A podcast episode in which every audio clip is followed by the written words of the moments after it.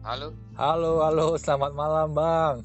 selamat malam. Mana nih gambarnya? Waduh, ini via telepon ini kita recordingnya jarak jauh. Sebenarnya ya halo, Ya gimana? ya jarak jauh nih teleponnya. Iya iya. Sebenarnya aku kemarin tuh maunya berangkat ke sana, jadinya recordingnya tuh langsung di lokasi. Ah, Tapi karena PKM gini, aku udah jauh nggak bisa ke mana-mana dah. ah. iya orang. Iya, iya, iya. Ini nih Bang, selamat datang nih di podcast Bincang Ini Ngopi. gambarnya kok nggak ada ya? Ini by audio Bang. Oh gitu. Mm-mm. Ya. Oke. sip, Jadi sip, kita sip. hanya ada di audio di Spotify. Jadi Oh. kita kembali ke era-era radio. Sip sip sip sip. Iya iya iya. Iya nih Bang. Jadi hari ini kesibukannya apa nih Bang? Hari Sabtu gini Bang. Eh, nggak ada. Ini lagi nganggur. Kalau siang aku tetap anak-anak ada yang latihan kan ada banyak lomba sekarang. Mm-mm. Festival seni pelajar nasional. Mm-mm. kemudian ini ada lomba musik puisi di kampus-kampus gitu. jadi anak-anak Hmm. satu dua latihan sini aku mendampingi mereka aja Iya. Ini Iya. nih kawan-kawan ini ya, di bincang kopi hari ini karena kita emang nggak bisa bertatap muka, jadi ya kita ngopinya masing-masing nih. oh, Jadi Iya, untuk informasi nih teman-teman, ini namanya Bang Nano de Kansas. Bang Nano ini adalah suatu founder atau pendiri dari Bali Experimental eh, Theater. Bener nggak bang ya? Experimental Theater. eksperimental eksperimental ya. teater ya Bener itu. Sama Iya. komunitas kertas budaya dan musik badai di atas kepalanya ya. iya di iya Terus ada untuk rompiok kopinya gimana tuh bang? Rompiok Kopi itu sebenarnya kantinnya komunitas kertas budaya Mm-mm. kan anak-anak latihan di rumah ngobrol atau apa teman-teman juga bukan hanya anak-anak kan teman-teman yang tua-tua juga nah terus ya ngopi kita kan memang sudah tradisi dari Hmm. dulu nah anak-anak ini yang latihan yang nggak ngopi itu ah om mbok ya bikin kantin daripada kita habis latihan keluar lagi balik lagi beli es teh lah gitu Mm, Mantep. Eh, atau es susu lah. Nah, yang tua-tua juga, ya no, kamu kan perlu bayar listrik, bayar air, buatlah semacam kantin ya, jualan kopi tubruk aja. Saling saling saling bertemu ya, saling berbincang Iya, juga jadi iya. sarana ya. Iya di sana, terutama itu untuk teman-teman ketemu, saling janjian nanti ketemu di Rompiok Kopi aja. Itu misalnya teman-teman saling janjian ya ketemunya di sini.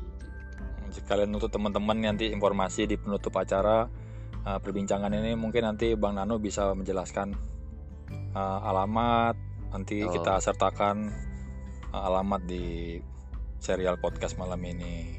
Iya, iya, iya. Bang Nano, Iya, Dek. Ya. aku nih kan dari dulu penasaran nih. Nama Nano de Kansas itu sebenarnya berasal dari apa sih, Bang? Nama yang beken ini. Eh, mudah-mudahan nggak ini ya kok ada aku tolak Iya. Ah, waktu halo Ya, ayo. Am, ini aku kan pernah nakal waktu SMP misalnya Ah, pas kemah murid-murid itu bukan hanya aku sih yang cowok-cowok kan mulai belajar merokok Mhm. Mhm. Ah, aku salah satunya. Zaman itu ada rokok Kansas kuning tanpa filter. Ya aku bawa itu sebungkus ke kemah. Pelantikan tuh ceritanya. Nah, ketangkep lah sama guru. Aku sedang merokok Kansas. Oh, jadi Iya. oh, jadi Akhirnya, rahasianya nah, gitu. Iya, ah, Udiano orang Bali kan nano, nano itu menjadi nano. Iya. Nah, oleh salah satu guruku sudah almarhum sekarang Pak Rendo.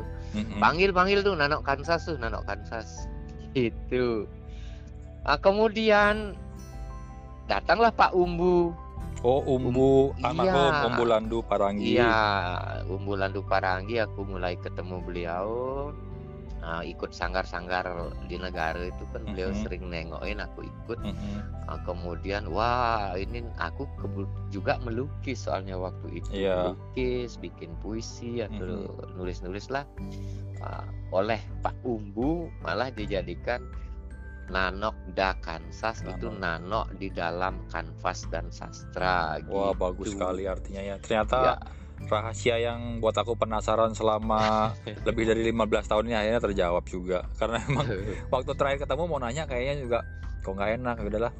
Mungkin di lain kesempatan akhirnya malam ini di melalui telepon ini bisa terjawab penasaranku.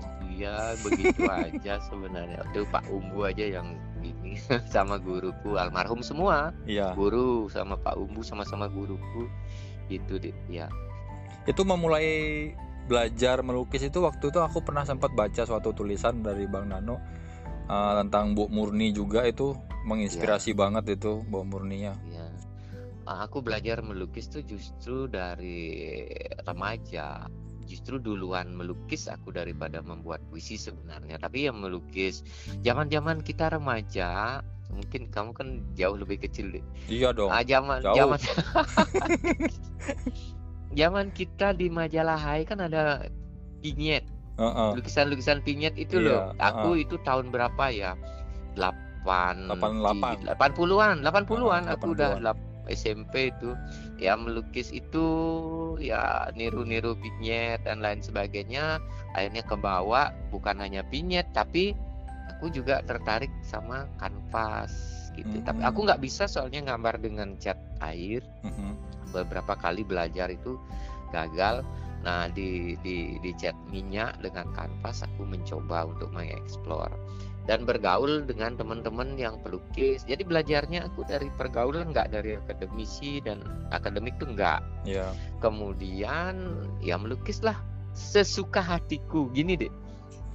Kalau misalnya aku punya ide tentang katakanlah yang sederhana aja tentang alam yang kering gitu misalnya. Aku ingin kemudian membuat puisi misalnya tentang itu. Ini belakangan setelah aku agak remaja lebih dewasa Eh, mau aku tulis dengan puisi ah kurang pas ini. Aku lukis sajalah. Jadi batal menjadi puisi dia menjadi lukisan. Oh, itu misalnya. Iya. Ter- sebaliknya juga gitu. Ada hal-hal yang ingin aku lukis tapi susah untuk memvisualisasikan dengan lukisan. Aku tulis dengan puisi gitu. Kadang-kadang ya dua-duanya nggak berhasil. Tapi emang maknanya emang artinya emang seperti itu, Bang ya. Ah, ya, ya, ya. Aku soalnya begini sebenarnya. Justru dengan lukisan kita kan tidak perlu berkata-kata. Iya, garis, garis, warna Garis. dan lain-lain. Oh, udah jutaan miliaran kata itu mewakili kata. Iya. Gitu. Memang sih Iya. karena visualnya tuh kan kalau kita bicara soal lukisan kan maknanya bisa beragam dari sudut pandang Iya. yang melihat. Apalagi, apalagi lukisan abstrak. Nah, aku sukanya lukisan yang ini apa apa namanya surrealis. Hmm, oh, Nah, itu lebih berat lagi. Iya waktu itu kan suka baca-baca. Aku selalu me- menyukai sesuatu berusaha mencari latar belakangnya. Misalnya suka lukisan, aku cari latar belakang berbagai aliran, tokoh-tokoh gitu. Terus musik juga gitu. Siapa itu? Misalnya Led Zeppelin, siapa? Wow, Idola. dong. Gurunya mereka Oh. siapa? Iya, memang Mereka- sih. Gitu aku ya. Iya, memang behind of the uh, seseorang tuh pasti ada orang-orang yang percaya bahwa mendorong mereka untuk menjadi luar biasa ya. Ya, aku justru itu yang ku cari gitu. Seperti Bang Nano ini, Bang Nano kan mendukung adik-adik, memfasilitasi mereka, membuat tempat. Aduh, itu sebenarnya uh, kita semua tuh beruntung ya di Bali, di Pulau Bali ini memiliki Ya, orang seperti Bang Nano. Stungkare. Ya, Stungkare di- ya Karena memang kebanyakan mungkin ya di era-eraku sebenarnya untuk menjadi seniman itu sebenarnya menjadi sebuah penolakan dari orang tua karena nggak ada tempat, nggak ada fasilitas. iya iya dan juga seniman zaman itu katakanlah orang gitar nggak ada harganya itulah kecuali di Jakarta di Surabaya Ya di di kota-kota sini besar ya. ya kita gitar-gitaran paling sampai segitu aja paling ikut paling banter dah paling tinggi ikut dipilih guru jadi ikut nah, lomba vokal grup misalnya setelah itu Ya. nggak terjadi apa-apa lagi kita semua beruntung ya dengan adanya teknologi juga bisa Iya. melihat banyak jiwa, banyak hal-hal yang memang terjadi di Iya, dunia ini. iya, iya, iya benar benar. Lalu Bang Nano, semasa sekolah tuh perjalanan paling keren itu kayak gimana sih Bang Nano soal soal seni nih? Kalau waktu aku sekolah tuh, ah, aku kan orang desa, desa banget Hmm. loh. Zaman itu jalan di desaku belum beraspal, jadi tamat SD aku dikirim sama bapakku sama ke ke ke kota Negara. Cuma 20 kilo dari dusunku ke Negara, tapi Mhm. bagiku waktu itu jauh banget. Itu tahun 78. 78. Aku kelas 1 kelas 1 SD itu 78 nah sudah ngekos di negara awalnya di rumah saudara sempat tapi aku nggak bertahan orangnya. Akhirnya dikoskan. Nah di SMP satu negara sekolah itu aku mengenal apa nah perpustakaan. Mhm. bukunya banyak banget dan tebal-tebal gitu loh. Sebagai apa dari sudut pandang orang kampung ya anak Ya. kecil dari kampung wah ini bukunya tebal-tebal gitu. Terus aku tertarik dengan dengan buku-buku di perpustakaan dan mereka waktu itu SMP ku bukunya bagus-bagus banget. Iya, baik dari dalam uh, pengarang atau penulis dalam negeri maupun luar negeri. Percaya itu karena referensinya memang bener-bener akurat. Ya, zaman-zaman itu gitu. Ya, aku tertariknya sama misalnya tulisan Dr. Karl May, Victor Hugo. Itu SMP kelas 1 yang belum belum paham banget sebenarnya aku, tapi ketika aku membaca, mulai di seolah-olah dituntun oleh bacaan itu, oh ini yang namanya novel, bla bla bla bla. Ya. Nah, itu yang paling paling berkesan bagiku ya waktu itu justru waktu aku mengenal pertama kali perpustakaan dan mengenal banyak buku. Itu yang paling berkesan. Waktu sekolah ya. Itu Waktu itu sekolah. berarti memang jadi trigger untuk awal kali memulai kecintaan. Jadi bisa dibilang ya mulai mendalami ya, lebih mendalami lagi ya waktu Ya. sekolah. itu. ya dibantu kemudian ada majalah Hai zaman Ya. itu sebelum majalah Hai menjadi pop banget zaman awal-awalnya majalah Hai itu kan uh, setengah ngepop setengah Mm-mm. serius banget Mm-mm. waktu itu masih banyaklah aku mengenal penulis muda zaman itu kakak-kakak. Kalau dihitung kakak kelasku aku SMP mereka SMA misalnya Asep Kang Asep Samzam Nur. Ya. semua semua yang itu misalnya termasuk Arswendo yang mengasuhnya. Kemudian Yopi OL Agus Setiaji da, apa namanya? Di Payana udah almarhum Lama-lama lawas. ya lawas-lawas banget. Gitu jadi itu menambah lagi majalah Hai itu dengan bacaanku yang ku dapatkan di perpustakaan kemudian di majalah itu nah di sana kemudian kan provokasinya Pak Arswendo Mas Swendo itu luar biasa. Honor dapat honor lo menulis. Aku baru tahu bahwa menulis itu dapat honor. Dulu bagiku menulis yang dapat honor hanya wartawan artinya Ya, dapat gaji. Jurnalis ya. Ya jurnalis dapat gaji. Aku nggak tahu kalau tulisan novel cerpen puisi itu dapat honor. Aku tahunya dari situ. Dan aku belajar. Tapi bukan itu loh tujuannya. Sampai Iya. sekarang juga aku kalau ngitung honor menulis ya ampun udahlah. Ya ya. Itu karena passion itu panggilan jiwa yang memang nggak nggak hanya ada di sebatas itu aja ya bang ya ya ya ya seperti dituntun aja lah aku akhirnya ke dunia dunia tulis menulis itu gitu. iya lalu ketika selesai sekolah itu bang Nano mungkin perjalanan hidupnya tuh eh, seperti apa bang mungkin Ya, kalau- dari dengis dari Ya. dari puisi dan tulisan kalau boleh boleh se, se gamblang-gamblangnya ya aku Mhm. cerita ya aku berhenti sekolah ketika kelas 2 SMA Hmm, itu bener-bener bener-bener putus. Putus putus banget. Karena gini awalnya karena aku suka sastra menulis aku ingin sekolah SMA yang jurusan sastra. Ya. Ah, tapi di negara ndak ada. Adanya cuman di Singaraja. Ketika aku minta izin sama orang tuaku Mhm. ya nggak dikasih. Ya ngambek lah akhirnya aku memutuskan untuk pulang eh apa keluar dari sekolah. Itu ya Wah, keren. itulah. Nah tetapi ketika aku berhenti sekolah itu aku benar-benar minta izin sama orang tua guru BP ku kepala sekolahku waktu itu. Mereka keberatan banget. Tetapi akhirnya mengizinkan aku berjanji bahwa aku akan belajar terus belajar sendiri spesifik saya akan belajar seni. Gitu. Wow gaya banget kan? Wah, itu idealis itu idealis yang memang benar-benar uh, panggilan alam itu. Iya nggak ngerti lah aku pokoknya. Wow heroik banget lah aku akan. Ya bapakku akhirnya ya sudah masa depanmu kamu yang menentukan. Kamu beneran lah belajar. Keren ya akhirnya tetap tetap aku belajar. Teman di kampus kemudian aku nyari teman-teman di kampus terutama pasar Jogja aku sering bolak-balik zaman itu. Jogja waktu di Jogja ya? Ya Jogja hanya ngintip-ngintip dari luar kampus. Kemudian kenal lah sama teman yang kuliah ada di Semarang. Oh mereka jauh-jauh dan sekarang aku lupa. Nah di, di Unud aku selalu mainnya di apa Sanglah di apa namanya kampus. yang kemarin terakhir itu ya berapa sebelum sebelum pandemi itu kan uh, Bang Nano aku lihat ada buat suatu event di Udayana kampus ya. Um, bukan, itu di Politeknik itu. Oh, yang di Renon itu terakhir ya? Ya, uh, ya okay. di di Sanglah itu yang di kampus kampus sastranya, gitu. Uh, di sana aku mainnya dulu. Tapi sekarang udah nggak punya teman, nggak punya akses lagi lah ke sana.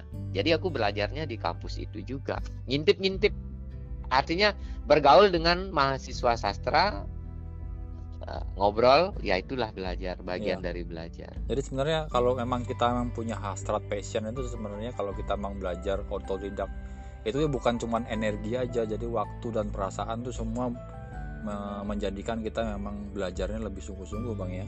Oh ya, ya itu aku benar-benar benar-benar lakoni dan rasakan bahwa aku memang memilih memilih sastra memilih seni itu teater dan sastra. Akhirnya uh, benar-benar bahwa tujuan menjadi tujuan. Mau hidup dapat uang atau tidak dapat uang dari sana enggak aku akan belajar. Aku terus belajar di bidang itu gitu. Yakin banget aku gitu. memang kesuksesan itu emang berbuah dari keyakinan. Iya. Amin.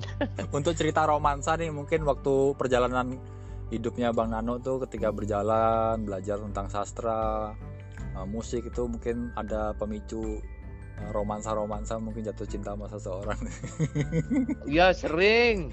Oh, oh jatuh cinta itu sering banget SMP SMA lah dan setelah tamat sekolah eh apa berhenti sekolah kan biasa itu tapi ini boleh dicek ke teman-teman aku nggak pernah pacaran artinya gini aku kan di sanggar hidupnya sanggar yeah. teman sanggar kakak kakak kelas yang yang sudah kuliah atau yang termasuk sanggarnya Pak Abu Bakar di Denpasar ya gimana mau pacaran gitu loh orang dan aku yakin banget kalau ngapel waktu itu pasti ditolak kenapa itu bang Ya orang aku bukan anak sekolahan, wow. tidak bawa.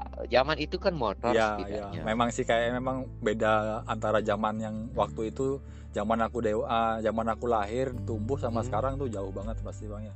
Iya itu dah. Perspektifnya Jadi, orang. Enggak enggak enggak enggak pernah pacaran.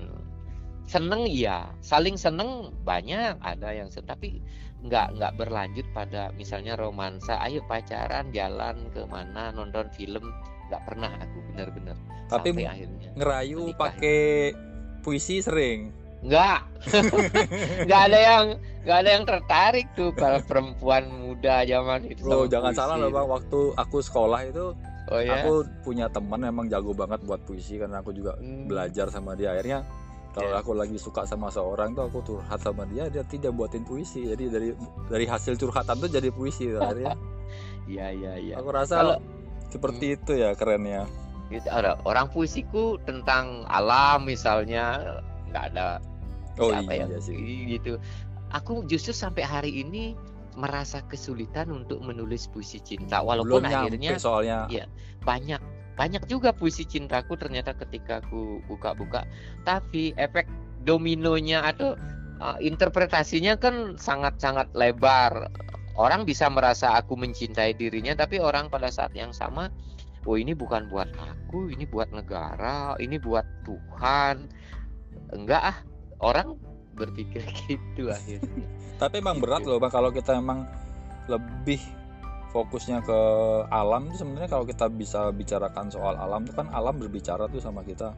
Mm-hmm. ya iya, mungkin iya, alam iya. akan me, uh, kita akan lebih mem, me, mencintai yang yang lebih global lagi kalau kita sudah paham iya alam iya. kan. Pasti harusnya Iya. wanita-wanita zaman itu tuh memang harusnya jatuh cinta lagi. Iya iya iya ya keren juga sih ya. Karena dia memang hidup seperti itu. Lo aku sempat lihat ada ini sekarang lagi membuat lanjutin kegiatan untuk Balang Tamak Reborn tuh bang ya. Oh iya. Itu mulai baru dibuat atau memang sudah uh, dari Baru tahun lalu? Baru baru. Oh tahun lalu lah. Tahun lalu itu videonya sudah dari tahun 2019 sudah pentas itu sebenarnya 2019 aku minta tolong teman untuk memvideokan. Kemudian kan di ada ya yang dibuang Mm-mm. dan lain sebagainya. Sebenarnya itu bukan itu itu itu eksperimen baru. Dulu gini Bali Experimental Theater aku dirikan karena melihat fenomena di Indonesia teater tuh kan kalau bermain dengan bahasa kita akan terkendala ketika yang nonton bukan orang Indonesia misalnya Mm-mm, ya jadi aku kembali kepada gerakan-gerakan atau isyarat murni tubuh misalnya melambai, mengangguk, berkedip, tertawa, senyum itu kan bahasa universal tanpa Iya. harus mengucap. Nah, itu yang aku eksplor di awal-awal Bali Experimental Theater. Hanya tiga unsur jadi ada gerak, bunyi dan suara. Gerakan-gerakan entah meniru alam semesta, meniru gerakan spontanitas atau terkonsep dari tubuh. Kemudian suara, suara adalah suara yang diciptakan dari luar tubuh. Misalnya aku memukul tubuh, teman memukul tubuh itu itu eh, apa bunyi, bunyi itu. Mm-mm. Itu bunyi, kemudian orang menjatuhkan benda itu adalah bunyi. Jadi unsur itu yang kupakai. Kemudian suara. Suara yang keluar dari tubuh, gemeretak gigi, eh, halus apa helaan nafas, menggeram, nyekrim dan lain sebagainya itu suara. Jadi gerak, bunyi dan suara itu aku explore terus itu selama 20 ya hampir 20 tahun sejak berdiri BET itu Bali Experimental Theater 15 tahunan lah. Ah, sesuai Nah, tema belakang. ya Ya, nah belakangan kemudian ketika aku banyak sekali nganggur di teater karena kesibukan aku pernah jadi buruh jurnalis jadi jurnalisme eh, warga lah karo- koran lokal. Tahun berapa Aku- itu bang?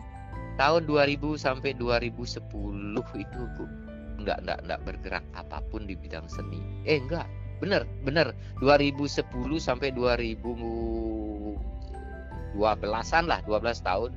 Nah kemudian aku berpikir ulang lagi bahwa eksperimen yang tiga unsur itu sudahlah kenapa nggak mengeksperimen tema atau cerita? Misalnya cerita. Kayak Balang Tamak Tamak Ribon itu kan cerita rakyat.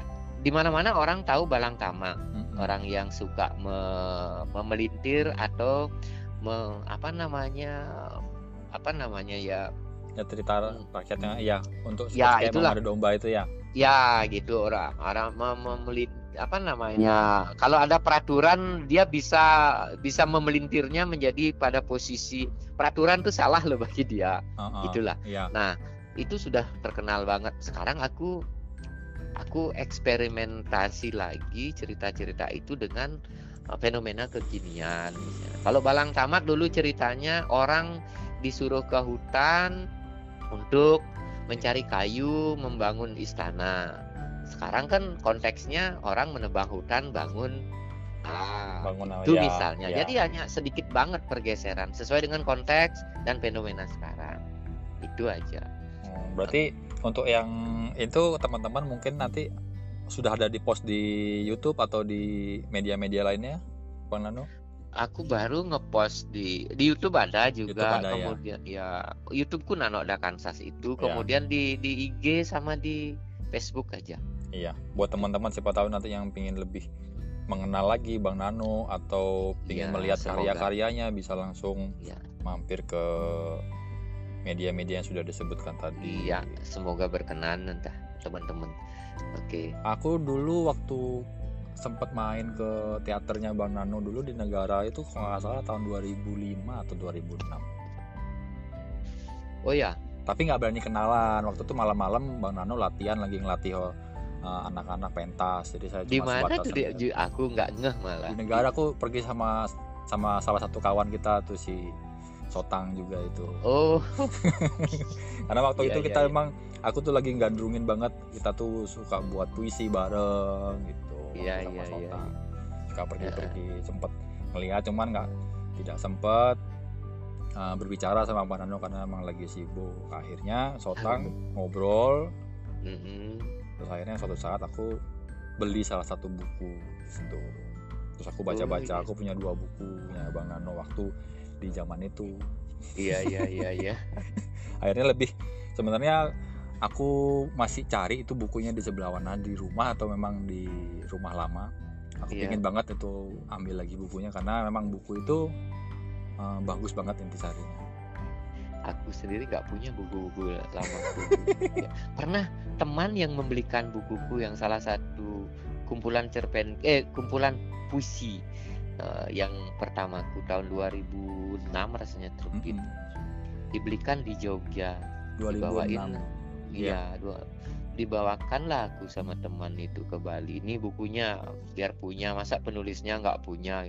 Terus sekarang hilang juga. Siapa Wah, yang sayang ya kayaknya aku Iya. harus nyari nanti aku berangkat aku minta tanda tangan Oh, aku ingat itu pokoknya kalau ada salah itu Bang Nano lebih banyak berbicarakan soal senyum, soal bersalah, soal oh, hal-hal yang itu banyak terjadi di dalam kehidupan. Ya itu kumpulan esai itu ya ya ya. Iya itu itu bagus banget buat aku. Aku ngerasa itu buku uh, memberikan aku perspektif berbeda di masa muda aku, di masa pertumbuhan waktu itu. Iya, semoga bermanfaat lah. Bang Nano Terima kasih lo ya. sebagai ini pembicaraan nih, mungkin Bang Nano uh, ada nggak pesan-pesan yang bisa mungkin disampaikan untuk para pendengar, untuk untuk adik-adik, uh, untuk masa depan, terus pesan-pesan untuk generasi berikutnya tuh apa sih yang bisa kita cintai dari yang Bang Nano lakukan sekarang ini? Kalau pesanku kepada adik-adik dulu ya, kepada adik-adik kita, anak-anak selalu yakinlah kepada kesenangan. Kesenangan apa? Kesenangan diri ya misalnya. Mm-mm. Suka sepak bola, ayolah berlatihlah sejak dini, rajin, tekun. Suka menggambar ya menggambar yang tekun belajar, jangan malu-malu bertanya, jangan malu-malu menunjukkan karyamu. Suka Betul. matematika, apa pun lah, pokoknya apa yang kamu sukai ditekuni dan dengan cinta, jangan terpaksa gitu. Kemu apa pun untuk remaja juga musik, main gitar, main apa sekarang yang yang suka eh, apa apa namanya Gimana? ngedit-ngedit Ya. foto, film, editing.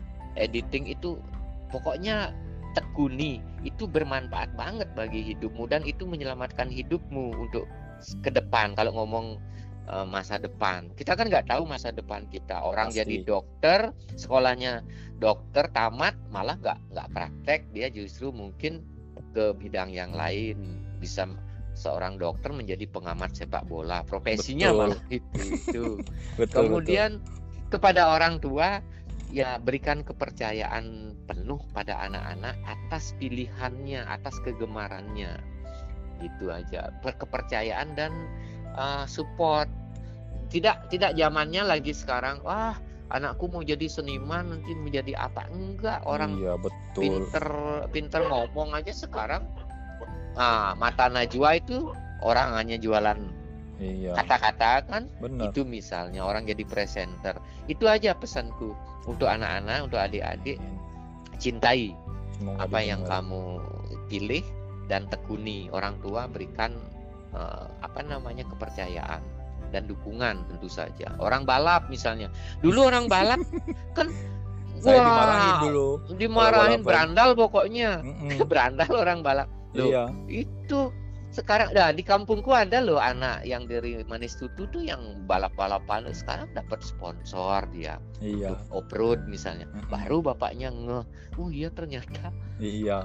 Ada Ya, gitu. lintas generasi memang ya kadang-kadang bentuk tanggung jawabnya itu memang berbeda-beda ya. ya ya bahwa untuk menyelamatkan anakmu tuh bukan bukan soal titel dan dan pilihan pekerjaan Betul. tetapi memberikan dia kebebasan dan kepercayaan. Berekspresi ya. Ya itu, itu, Bang, untuk betul. menyelamatkan anak-anak. Iya memang Itu aja pasti deh. itu serunya seperti itu. Memang di orang tua tuh kadang-kadang ya aku juga sendiri belajar bang ya. Aku Iya. lihat bang Nano membesarkan seorang anak sekarang udah gendong cucu. Melihat seperti itu tuh Ya. saya emang bener-bener aku ingin menjadi orang tua yang mendukung anak-anak. Amin ya di ya ya lalu nih bang aku pingin bacain satu esai itu yang bang Nano sendiri buat. Iya.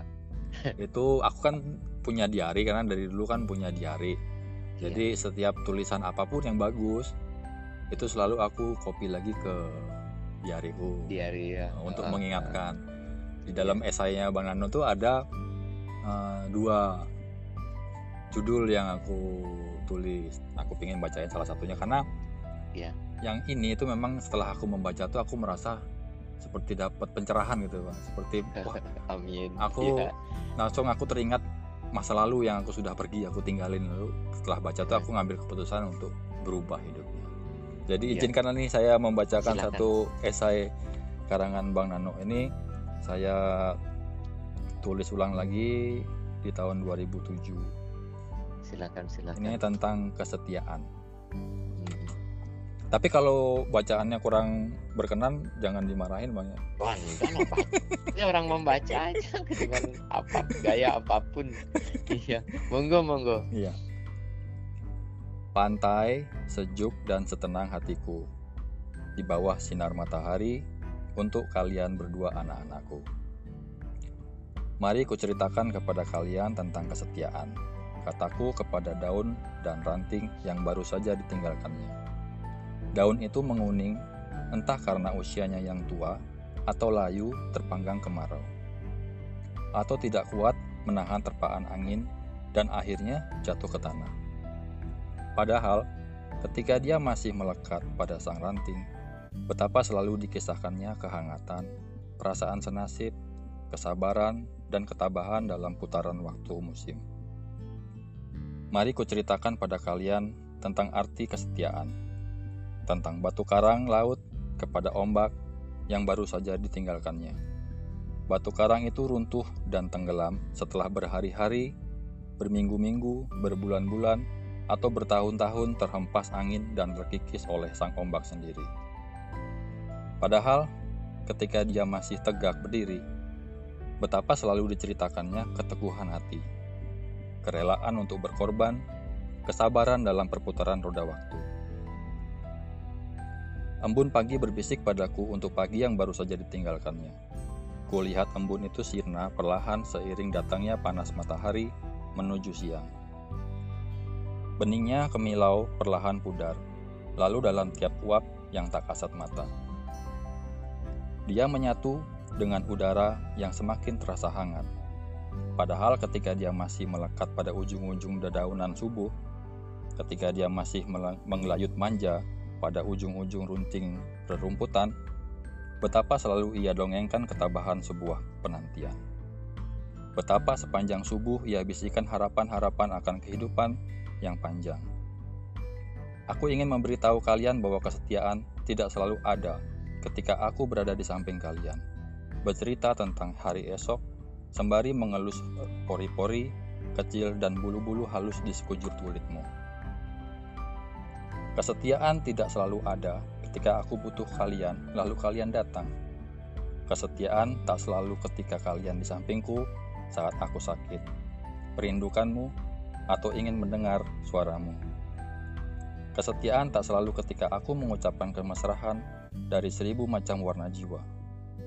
Kesetiaan tak selalu ketika aku mencium keningmu, mengantarkan kalian ke sekolah dan bermain. Menyentuh bibir manismu, memelukmu, mendengarkan keluh kesahmu, menggandeng tanganmu saat menyeberang jalan.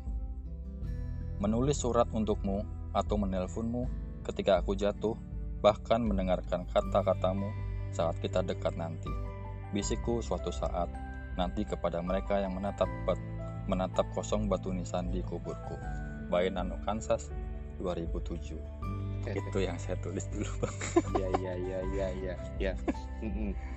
Itu Makasih, salah satu makasih. esai yang benar-benar bisa merubah hidupku. Jadi setelah itu aku Iya. pulang, aku pulang ke keluarga, aku minta maaf sama masa lalu. Akhirnya ya aku memperjuangkan hal-hal yang sudah hilang dalam hidupku. Iya, iya, iya. Luar biasa tuh sih. Kamu bisa menangkap seperti itu tulisanku. Tulisan sederhana banget itu. Iya. Iya, sederhana. Sesuatu yang sederhana itu sebenarnya kalau maknanya sudah kita bisa rasakan, tuh akhirnya kita menjabarkan sebagai sesuatu yang luar biasa. Iya, iya, iya. Mungkin maaf lo tadi dalam dalam penyebutan atau mungkin ketika saya bacakan tadi ada yang tidak berkenan. Oh, enggak, ya itu itu bahkan uh, aku membaca uh, uh, apa diberikan makna ulang justru yang dan itu akan memperkaya jelas memperkaya tulisan itu sendiri deh gitu loh. Betul, terima kasih loh terima kasih terima Saya kasih. juga terima kasih sebagai jiwa yang sudah salah satu jiwa yang sudah diselamatkan dari baca buku. Jadi Iya. saya ingin ngasih tahu juga teman-teman bahwa kalau kita baca sesuatu yang bermanfaat, kita baca, kita nangkap waktu, akhirnya apa yang kita baca itu bisa menjadi perubahan buat hidup kita juga. iya iya iya iya Betul betul. betul betul itu ya Jadi mungkin ada pesan-pesan terakhir bang untuk acara bincang ngopi ini di lain waktu. Ah, ah, ya pesanku itu dah terutama kepada yang tadi apa yang kita hadapi misalnya aku belajar dari dirimu di- justru Aduh, me- menghadapi bacaan ya, ya maknai bacaan yang kamu hadapi.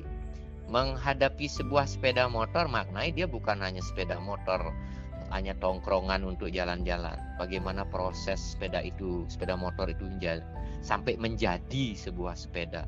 Itu penting kan untuk direnungkan. Jadi nggak nggak sembarang ketemu orang juga. Ketemu orang bahwa setiap orang adalah kalau nah ini ngomongnya jadi serius banget. Uh, ketemu orang bahwa setiap orang adalah ya ciptaannya. Sama sama aja dengan diri kita diri dia.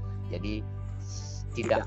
tidak tidak tidak mengabaikan bahwa apa yang kita temui mari kita syukuri amin. renungi dan ya maknai Iya betul dengan itu bang. pandangan diri sendiri. Itu aja dari aku Amin. Semoga. dan terima kasih terima kasih sudah Saya juga banyak-banyak terima pada kasih. obrolan Tapi Iya. aku janji kalau nanti aku lewat, kita harus nah, kalau sudah sudah selesai ya usia iya pandemi, Pandemi, ini, ya. kita akan mampir nanti aku kita ngopi bareng, kita bincang-bincang lebih jauh lagi Yuk, yuk, yuk, yuk, yuk. Aku siap sambil ngopi. Iya. Ngopi iya. tanpa gula bang ya? Oh iya, aku aku tetap pakai gula. Oh, nggak apa-apa, nggak apa-apa. Iya, Karena iya. kalau eh, asapnya tebal tanpa gula itu serasa hambar. Iya. Pasti, Bang. gitu ya. Terima Iya. kasih banyak loh bang ya atas waktunya malam ini. Oke, terima Semoga kasih banget. Bang Nano dilimpahi rezeki yang melimpah kepada Tuhan Maha Esa, Ya, amin. berupa uh, kesabaran, Ya, kesehatan. kesehatan, Ya, dan rezeki lainnya. ya. Terima Sama kasih, Bang sebaliknya. Ya, sebaliknya juga doaku demikian ya, Dik ya untuk kalian, untuk adik sendiri dan Amin, semua yang pasti. mendengar. Oke, Iya, oke. makasih Bang. Sampai Makasih. jumpa pada jumpa-jumpa berikutnya. Kita obrolan yang lebih Iya. seru lagi. Iya, iya, iya. Terima Oke. kasih Bang. Selamat malam. Selamat malam, selamat malam. Yuk. Bye.